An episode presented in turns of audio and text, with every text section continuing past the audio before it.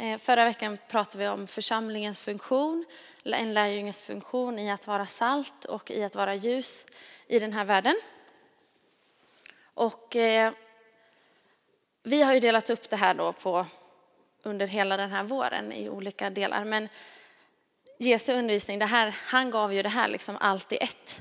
Så att eh, ni, vi får ha med oss i bakhuvudet att vi lägger liksom grunden för nästa grej hela tiden. Så att vi får ha i bakhuvudet att han har talat om en lärjunges attityd, eh, han har pratat om en lärjunges funktion, församlingens funktion i världen, att vara salt och ljus. Eh, och sen kommer vi in nu i vad vi ska tala om idag som är, eh, jag har kallat, eller satt temat på det, sann rättfärdighet versus lagen. Jesus talar lite om lagen och ehm, vi ska lite systematiskt gå igenom detta se hur det sann rättfärdighet praktiseras som lärjungar i Guds rike.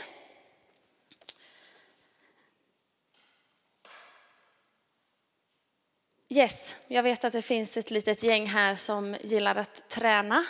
Har vi någon frisk och frälst eh, människa här? Roger är med, Marie. Det är lite trä olika träningsformer som representeras här kanske. Jag gillar också att träna. Inte så mycket på gym faktiskt. Eh, det tycker jag är lite tråkigt, men jag, kan väl, jag har inte gett en så ärlig chans heller för att det skulle säkert vara roligare om man gör det tillsammans. Men jag gillar väldigt mycket att träna en annan sport som är beachvolleyboll. Eh, och det är, då spelar man i lag, två stycken. Eh, ja, jag och en till tjej då mot två andra. Eh, och så spelar man i sand, så spelar man med en volleyboll. Det skiljer sig lite från inomhusvolleyboll då, då man är fler på planen och spelar i, i en inomhushall. Eh, men när jag spelar beachvolleyboll då finns det några grejer som är viktiga för mig. Det är eh, min lagkamrat, min eh, partner i volleyboll, hon heter Julia. Julia är jätteviktig för mig för att jag kan inte spela beachvolleyboll själv. För att man får bara nudda bollen en gång. Så om jag tar mot bollen, då, har jag liksom, då kan inte jag ta den igen. Så jag behöver min partner, vi spelar ihop. Eh, något jag också behöver är en tränare, annars kan jag inte utvecklas som volleybollspelare. Jag behöver en tränare som ser, okej, okay, nu gör du rätt med armarna, nu fram lite med höften, du vrider dig lite. Jag behöver liksom någon som, eh, som ser vad jag kan eh, ändra för att utvecklas. Mm. Och sen behöver jag också min egen vilja. Jag behöver vilja utvecklas. Jag behöver, behöver prioritera att gå på mina träningar, eh, spela mina matcher och hålla igång liksom, för att jag ska bli eh, en bättre beachvolleybollspelare. Eh, och eh, det är lite liknande faktiskt vad vi ska tala om idag. Eh, att man behöver en egen vilja, ett eget initiativ. Man behöver en coach, en tränare och man behöver andra människor för att leva det här lärjungalivet som Jesus talar om i, i bergspredikan. Så jag återkommer kring det där med, med beachvolleybollen. Ehm, så ska vi hoppa in i dagens text. Det är från Matteus 5, eh, vers 17 till 34. Men vi ska börja med vers 17 till 20. Vi läser tillsammans. Jesus är det som säger det här alltså. Tro inte att jag har kommit för att upphäva lagen eller profeterna. Jag har inte kommit för att upphäva utan för att uppfylla. Jag säger er sanningen. Innan himmel och jord förgår ska inte en bokstav, inte en prick i lagen förgå, inte förrän allt har skett. Därför ska den som upphäver ett av de minsta av dessa bud och lär människorna så kallas minst i himmelriket. Men den som håller dem och lär ut dem, han ska kallas stor i himmelriket. För jag säger er, om inte er rättfärdighet går långt över de skriftlärdas och fariseernas kommer ni aldrig in i himmelriket. Så lyder det heliga evangeliet.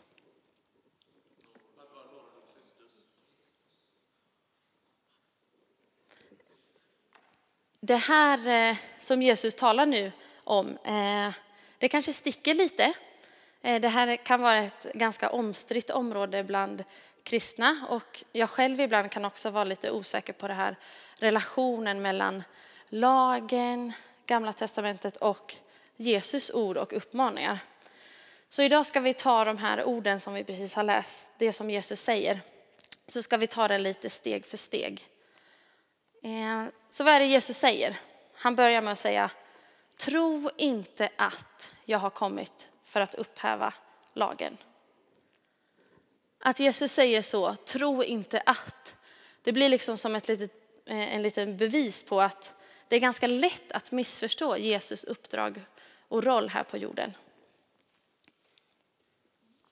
Och det kanske inte är så konstigt att människor runt omkring Jesus blev lite förvirrade för att på ett sätt var Jesus strikt, han predikade sanningen, eh, han hade höga standards, han hade höga krav.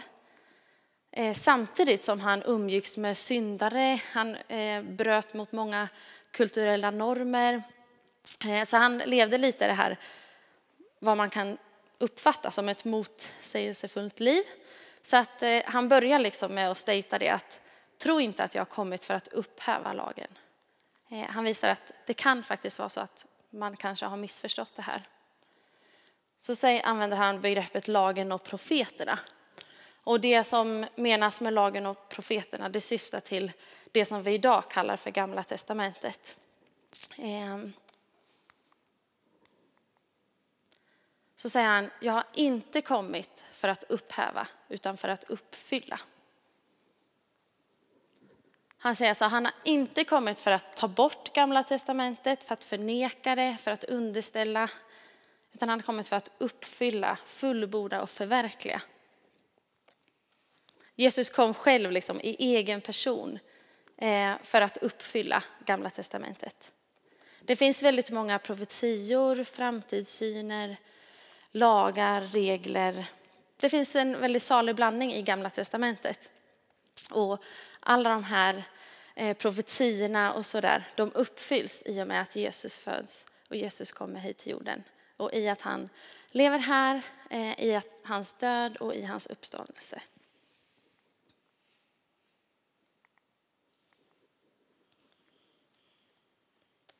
Så det verkar vara att det finns en liten skillnad mellan att leva under lagen, Gamla testamentet, regler, Eh, strikthet och att leva under Jesus ord. Och eh, när Jesus har statat det här första så ger han sedan lite exempel på hur det här ser ut som vi ska kolla lite mer på. Eh, och lärjungar som vi är, vi kallar det att vara lärjungar. Vi är kallade till att fokusera på Jesus och hans ord och inte på lagen.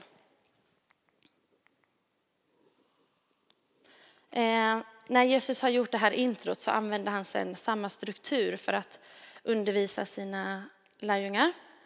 Han börjar med att referera till någonting som redan är känt, till lagen då. För de kunde sin bibel ganska väl de flesta, så de visste vad det stod. Sen talar han ut så säger han så här, jag säger er. Och sen så ger han en ny inställning eller en ny utmaning för dem. Och det Jesus gör är att han tar tillbaka de verkliga principerna som finns bakom lagen. Han frångår handlingen, ser mer till en, den kristnas inställning och attityd som finns bakom handlandet. Och han är faktiskt ganska smart, Jesus. Han är en riktigt bra retoriker. Han är bra på att få folks uppmärksamhet och han är bra på att liksom få människor att förstå vad han menar. Så att det är därför han liksom har också en röd tråd i det han säger. Eh, han började med att, det här talet då, med att prata om lärjungens attityd, sen pratar han om funktionen i världen.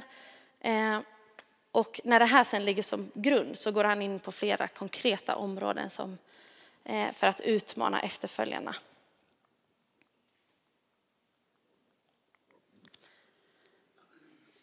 Vi går vidare till den här eh, första konkreta exemplet som Jesus har som handlar om mord och vrede och ilska. Han fortsätter säga så här. Ni har hört att det är sagt till fäderna. Du ska inte mörda och den som mördar är skyldig inför domstolen. Jag säger er, Den som blir vred på sin broder är skyldig inför domstolen och den som säger idiot till sin broder är skyldig inför rådet. Och den som säger dåre är skyldig och döms till det brinnande Gehenna. Därför, om du bär fram din gåva till altaret och där kommer ihåg att din broder har något emot dig, så lämna din gåva framför altaret. Gå först och försona dig med din broder. Kom sedan och bär fram din gåva. Skynda dig att göra upp med din motpart medan du är med honom på vägen. Annars kan han överlämna dig till domaren och domaren till vakten och du sätts i fängelse. Jag säger dig sanningen, du kommer inte ut därifrån förrän du har betalat eh, sista öret. Så vi ser att Jesus följer den här strukturen som jag nämnde. Han börjar med att säga, ni har hört att det är sagt. Eh, då refererar han till något som hans åhörare redan vet om. Det är sagt att du ska inte mörda, för det står det i gamla testamentet i andra Mosebok. Eh, och sen så talar han ut, jag säger er, eh, den som blir vred på sin broder är skyldig.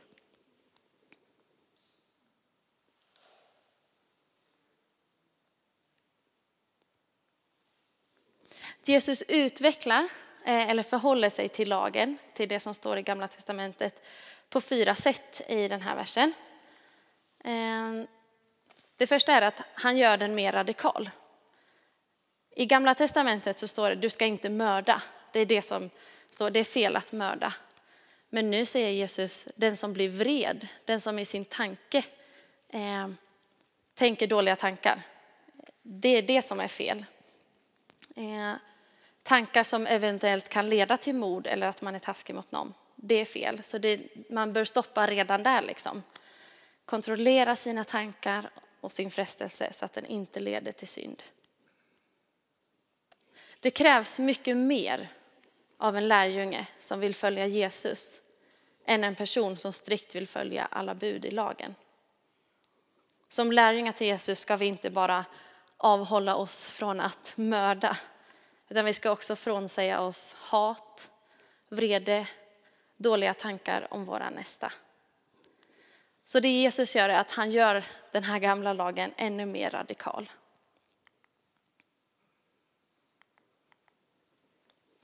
Eh, han riktar den också inåt.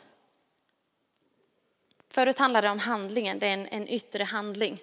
Eh, men han talar om att Guds rike handlar inte bara om handlingen i sig, utan det handlar om attityden, inställningen och orden som man säger.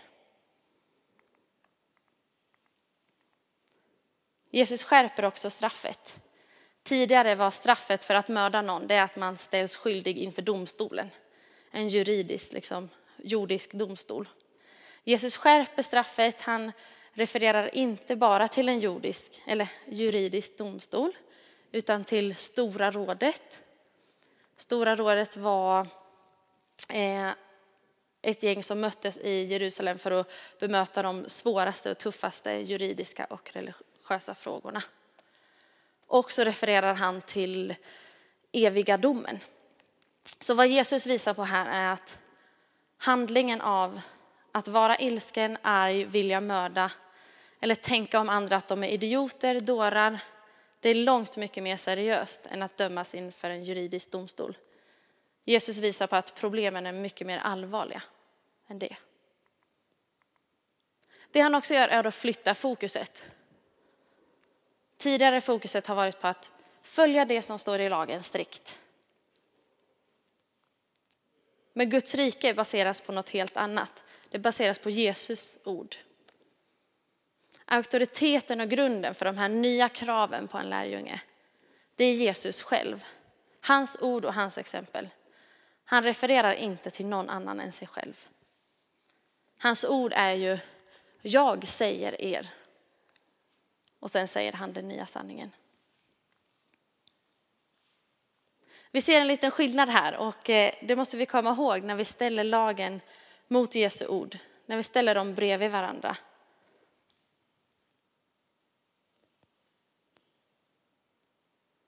Jag har inte kommit för att upphäva lagen, men jag har kommit för att fullborda den, eller för att uppfylla den. Jesus ger alltså inte tillåtelse att mörda någon. Det är ju tvärtom. Hans rike och hans Jesus uttalande, den har mycket, mycket högre, högre standard än den här gamla regeln i lagen. Så det Jesus gör är att han flyttar fokus från handlingen till inställningen som finns bakom handlingen. Vi ska läsa några fler bibelord.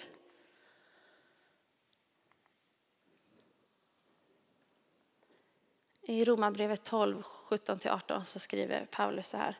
Löna inte ont med ont. Tänk på det som är gott i alla människors ögon. Håll fred med alla människor så långt det är möjligt och beror på er.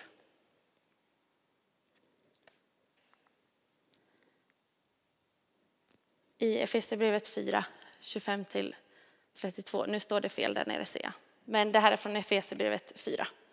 Lägg därför bort lögnen och tala sanning med varandra. Vi är ju delar i samma kropp. Grips ni av vrede, synda inte. Låt inte solen gå ner över er vrede och ge inte djävulen något tillfälle. Tjuven ska sluta stjäla och istället arbeta och göra nytta med sina händer så att han har något att dela med sig av åt den som behöver. Låt inga smutsiga ord komma över era läppar utan bara det som är gott och bygger upp där det behövs så att det blir till glädje för dem som hör det. Bedröva inte Guds ande som ni har fått som ett sigill för befrielsens dag. Lägg bort all bitterhet, häftighet och vrede, allt skrikande och förolämpningar och all annan ondska. Var istället goda och barmhärtiga mot varandra och förlåt varann, så som Gud i Kristus har förlåtit er. Det som är så sjukt utmanande när man läser de, de här texterna och eh, det som Jesus säger är att vi som lärjungar, vi är inte bara liksom kallade till att avstå från dåliga tankar, i det här fallet då mordlust, eh, utan vi är också kallade till att ta initiativ till försoning. Vi är kallade till att ta initiativ till att visa på kärlek istället för hat, skapa fred.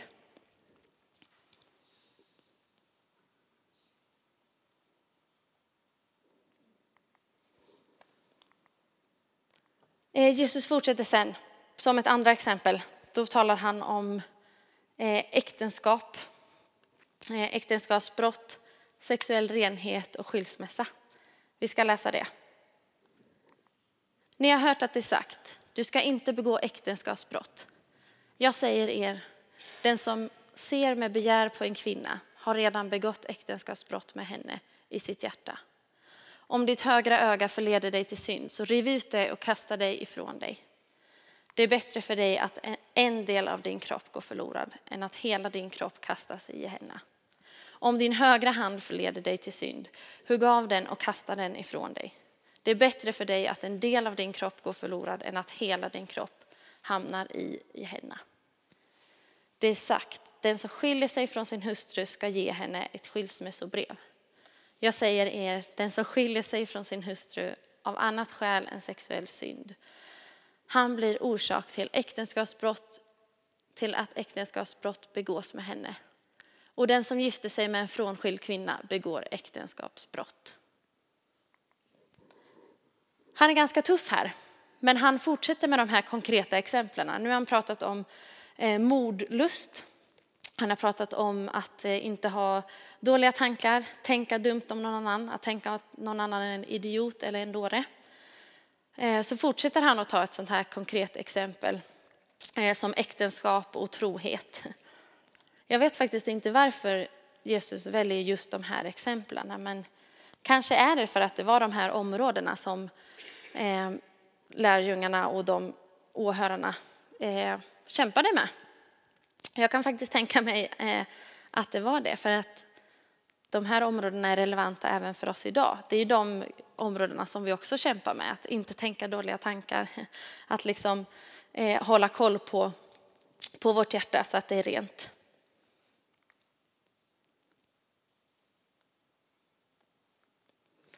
Återigen så eh, följer Jesus den här strukturen. Han refererar till något som är känt, ni har hört att det är sagt, du ska inte begå äktenskapsbrott. Och sen säger han, Jag säger er, den som ser med begär har redan begått äktenskapsbrott. Vad Jesus gör är att han slår först fast liksom lagens bud. Sen förklarar han standarden i Guds rike som är långt mycket högre än vad lagen är.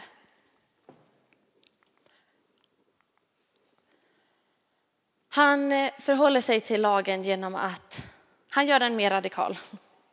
Det krävs nu mer av lärjungarna.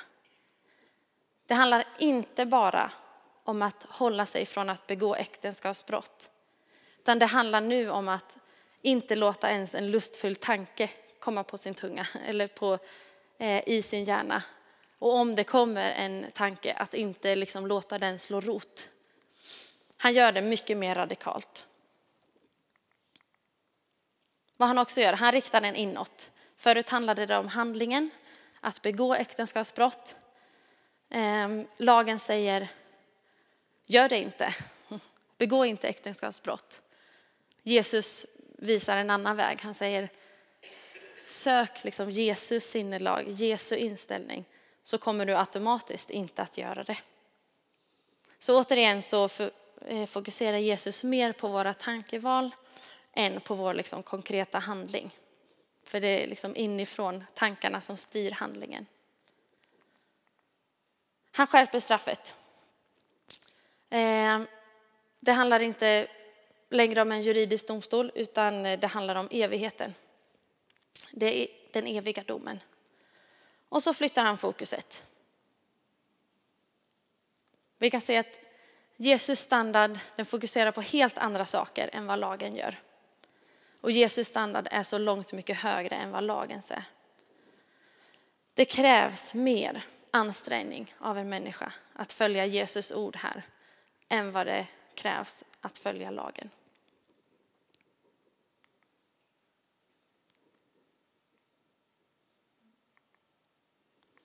Vi ska läsa några eh, fler bibelställen när Paulus pratar om det här med att ära Gud med sin kropp.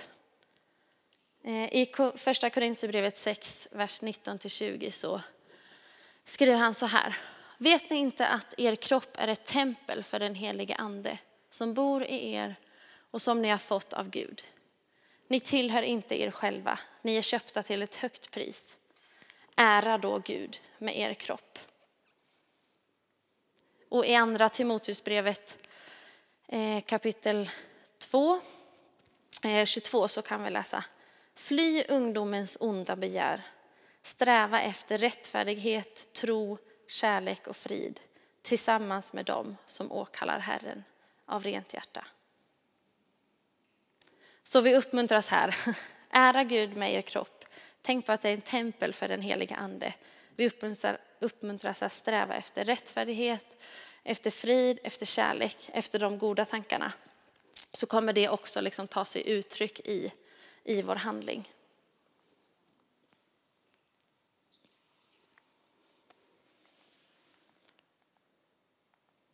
Kristna i alla tider har strävat efter rättfärdighet. Och det som vi försöker förstå idag utifrån de här texterna, utifrån Jesus faktiskt ganska hårda ord, eh, är just hur är man en sann rättfärdig lärjunge? Hur står man liksom rätt inför Gud och i, i den relationen? De skriftlärda och fariseerna på Jesu tid, de försökte nå rättfärdighet genom att följa lagen. Men Jesus har ju sagt till oss att det är inte det som är vägen.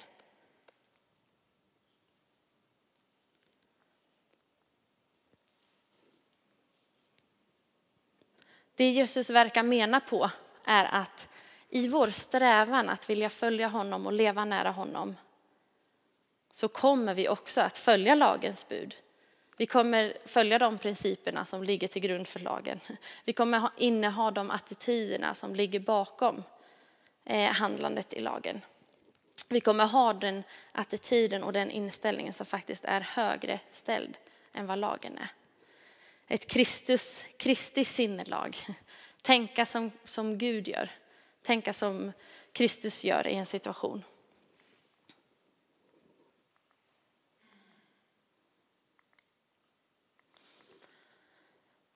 Och nu kanske, eller jag tänker så, och jag tänkte så när jag läste det här för första gången och kände att det här ska jag eh, få dela med er vänner.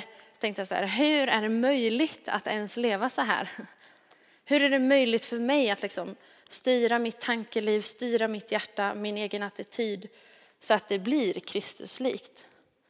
Går det ens?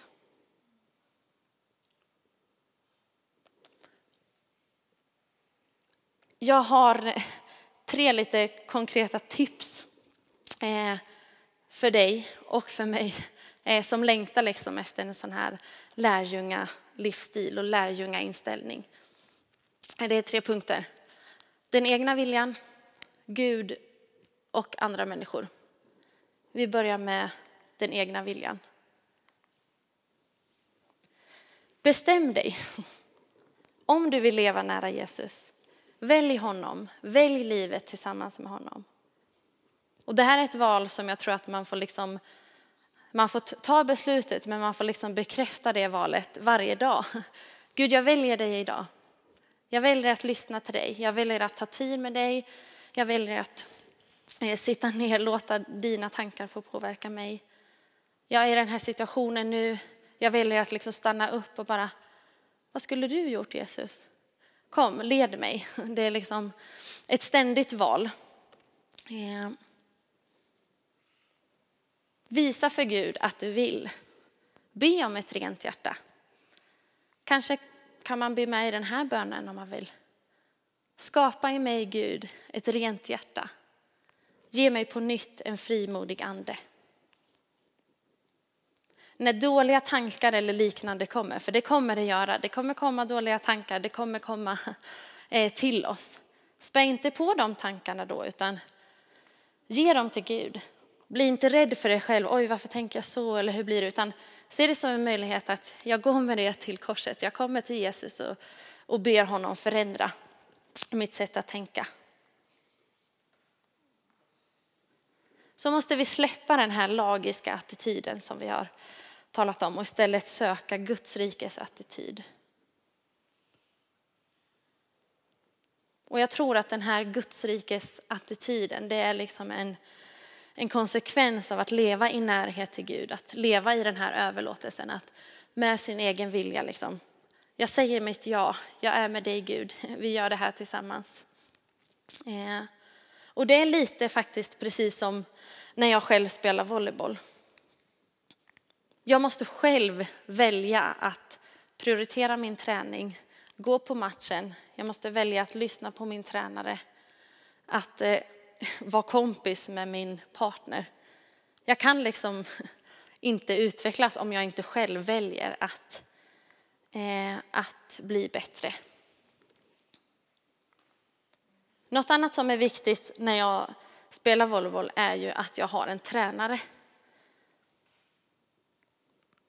En coach som kan se vad jag behöver utveckla. En coach som kan uppmuntra, peppa, eh, tillrättavisa, vägleda mig. Och jag tänker att det är likadant med det kristna livet. Vi har fått Bibeln eh, och vi har Gud. Vi är inte ensamma. När Jesus eh, lämnade jorden så eh, har vi fått heliga ande som är vår hjälpare, vår vägledare. Han är vår coach som vill instruera oss, som vill peppa oss, som vill fylla oss med ny energi, som vill visa oss vägen som vi ska vandra på. Så vi är inte ensamma. Vi har Gud och det är därför som det är möjligt. Helig ande är vår hjälpare. Gud och Bibeln är vår coach. Och så en grej till. Vi behöver varandra. Som jag nämnde i inledningen att utan min beachvolleybollpartner då kommer jag ingenstans. Jag kan kunna alla regler, alla liksom smarta taktikgrejer för att få poäng eller lägga bollen på ett visst ställe. Men utan min spelkompis Julia, då är det omöjligt för mig att spela volleyboll. Och lite liknande är det i församlingen. Det är liksom inget ensam race det här med att vara kristen, utan församlingen och andra kristna vänner är så viktigt. I Bibeln kan vi läsa att det är tillsammans med andra kristna, tillsammans med våra syskon som vi ska kunna förstå Guds kärlek ännu mer, som vi kan förstå hans vilja. Vi behöver varandra, vi är syskon, vi är vänner som har en beroendeställning till varandra. Jag behöver er, mina vänner i Linnéakyrkan. Ni behöver mig och vi alla behöver varandra. Och det här är lite motsats till Sverige idag. Man uppmuntrar mycket, liksom, du klarar dig i egen kraft, gör det själv. Eh, vi har liksom det här individualistiska tänket i mycket. Och så kommer Bibeln och Guds rikes tänk. Och varje kroppsdel är viktig, men varje kroppsdel behöver också resten av kroppen för att funka.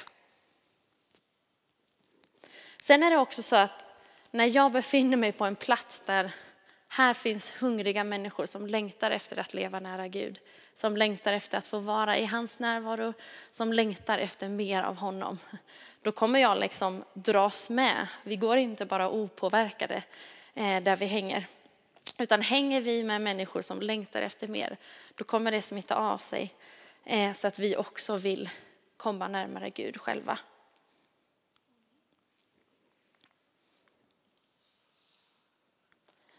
Så den här livsstilen som vi har pratat om idag, det är en livsstil där jag är i fullständigt beroende av Gud.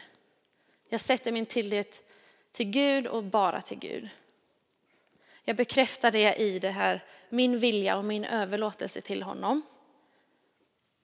Den har sin grund, sin rot, inte i handlingar, inte i vad jag gör, utan den har sin rot inne i hjärtat och i tankelivet. Sen tar det sig uttryck i handling.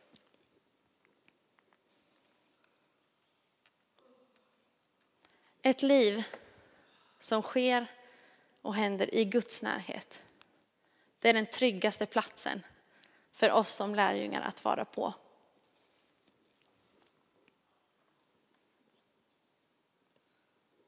Vi kan ställa oss upp tillsammans.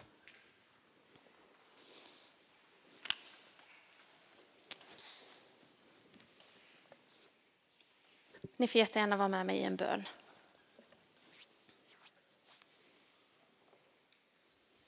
Tack Gud för ditt ord. Tack Jesus för det exemplet som du är eh, i att leva nära Gud och vara beroende av honom i allting som du eh, gör. Gud, du ser vår längtan att få leva, eh, leva ett liv som lärjungar som får behaga dig, Gud. Så alltså, jag vill be, eh, skapa i oss ett hjärta, ett rent hjärta, Gud. Tack att du bor på vår insida. Vi kommer inför dig nu här i Linnékyrkan. och vi, vi kommer med våra hjärtan och vi kommer med vår, våra liv för att säga vårt ja till dig idag. Vi vill fortsätta följa dig i allt. Vi vill vara dina lärjungar.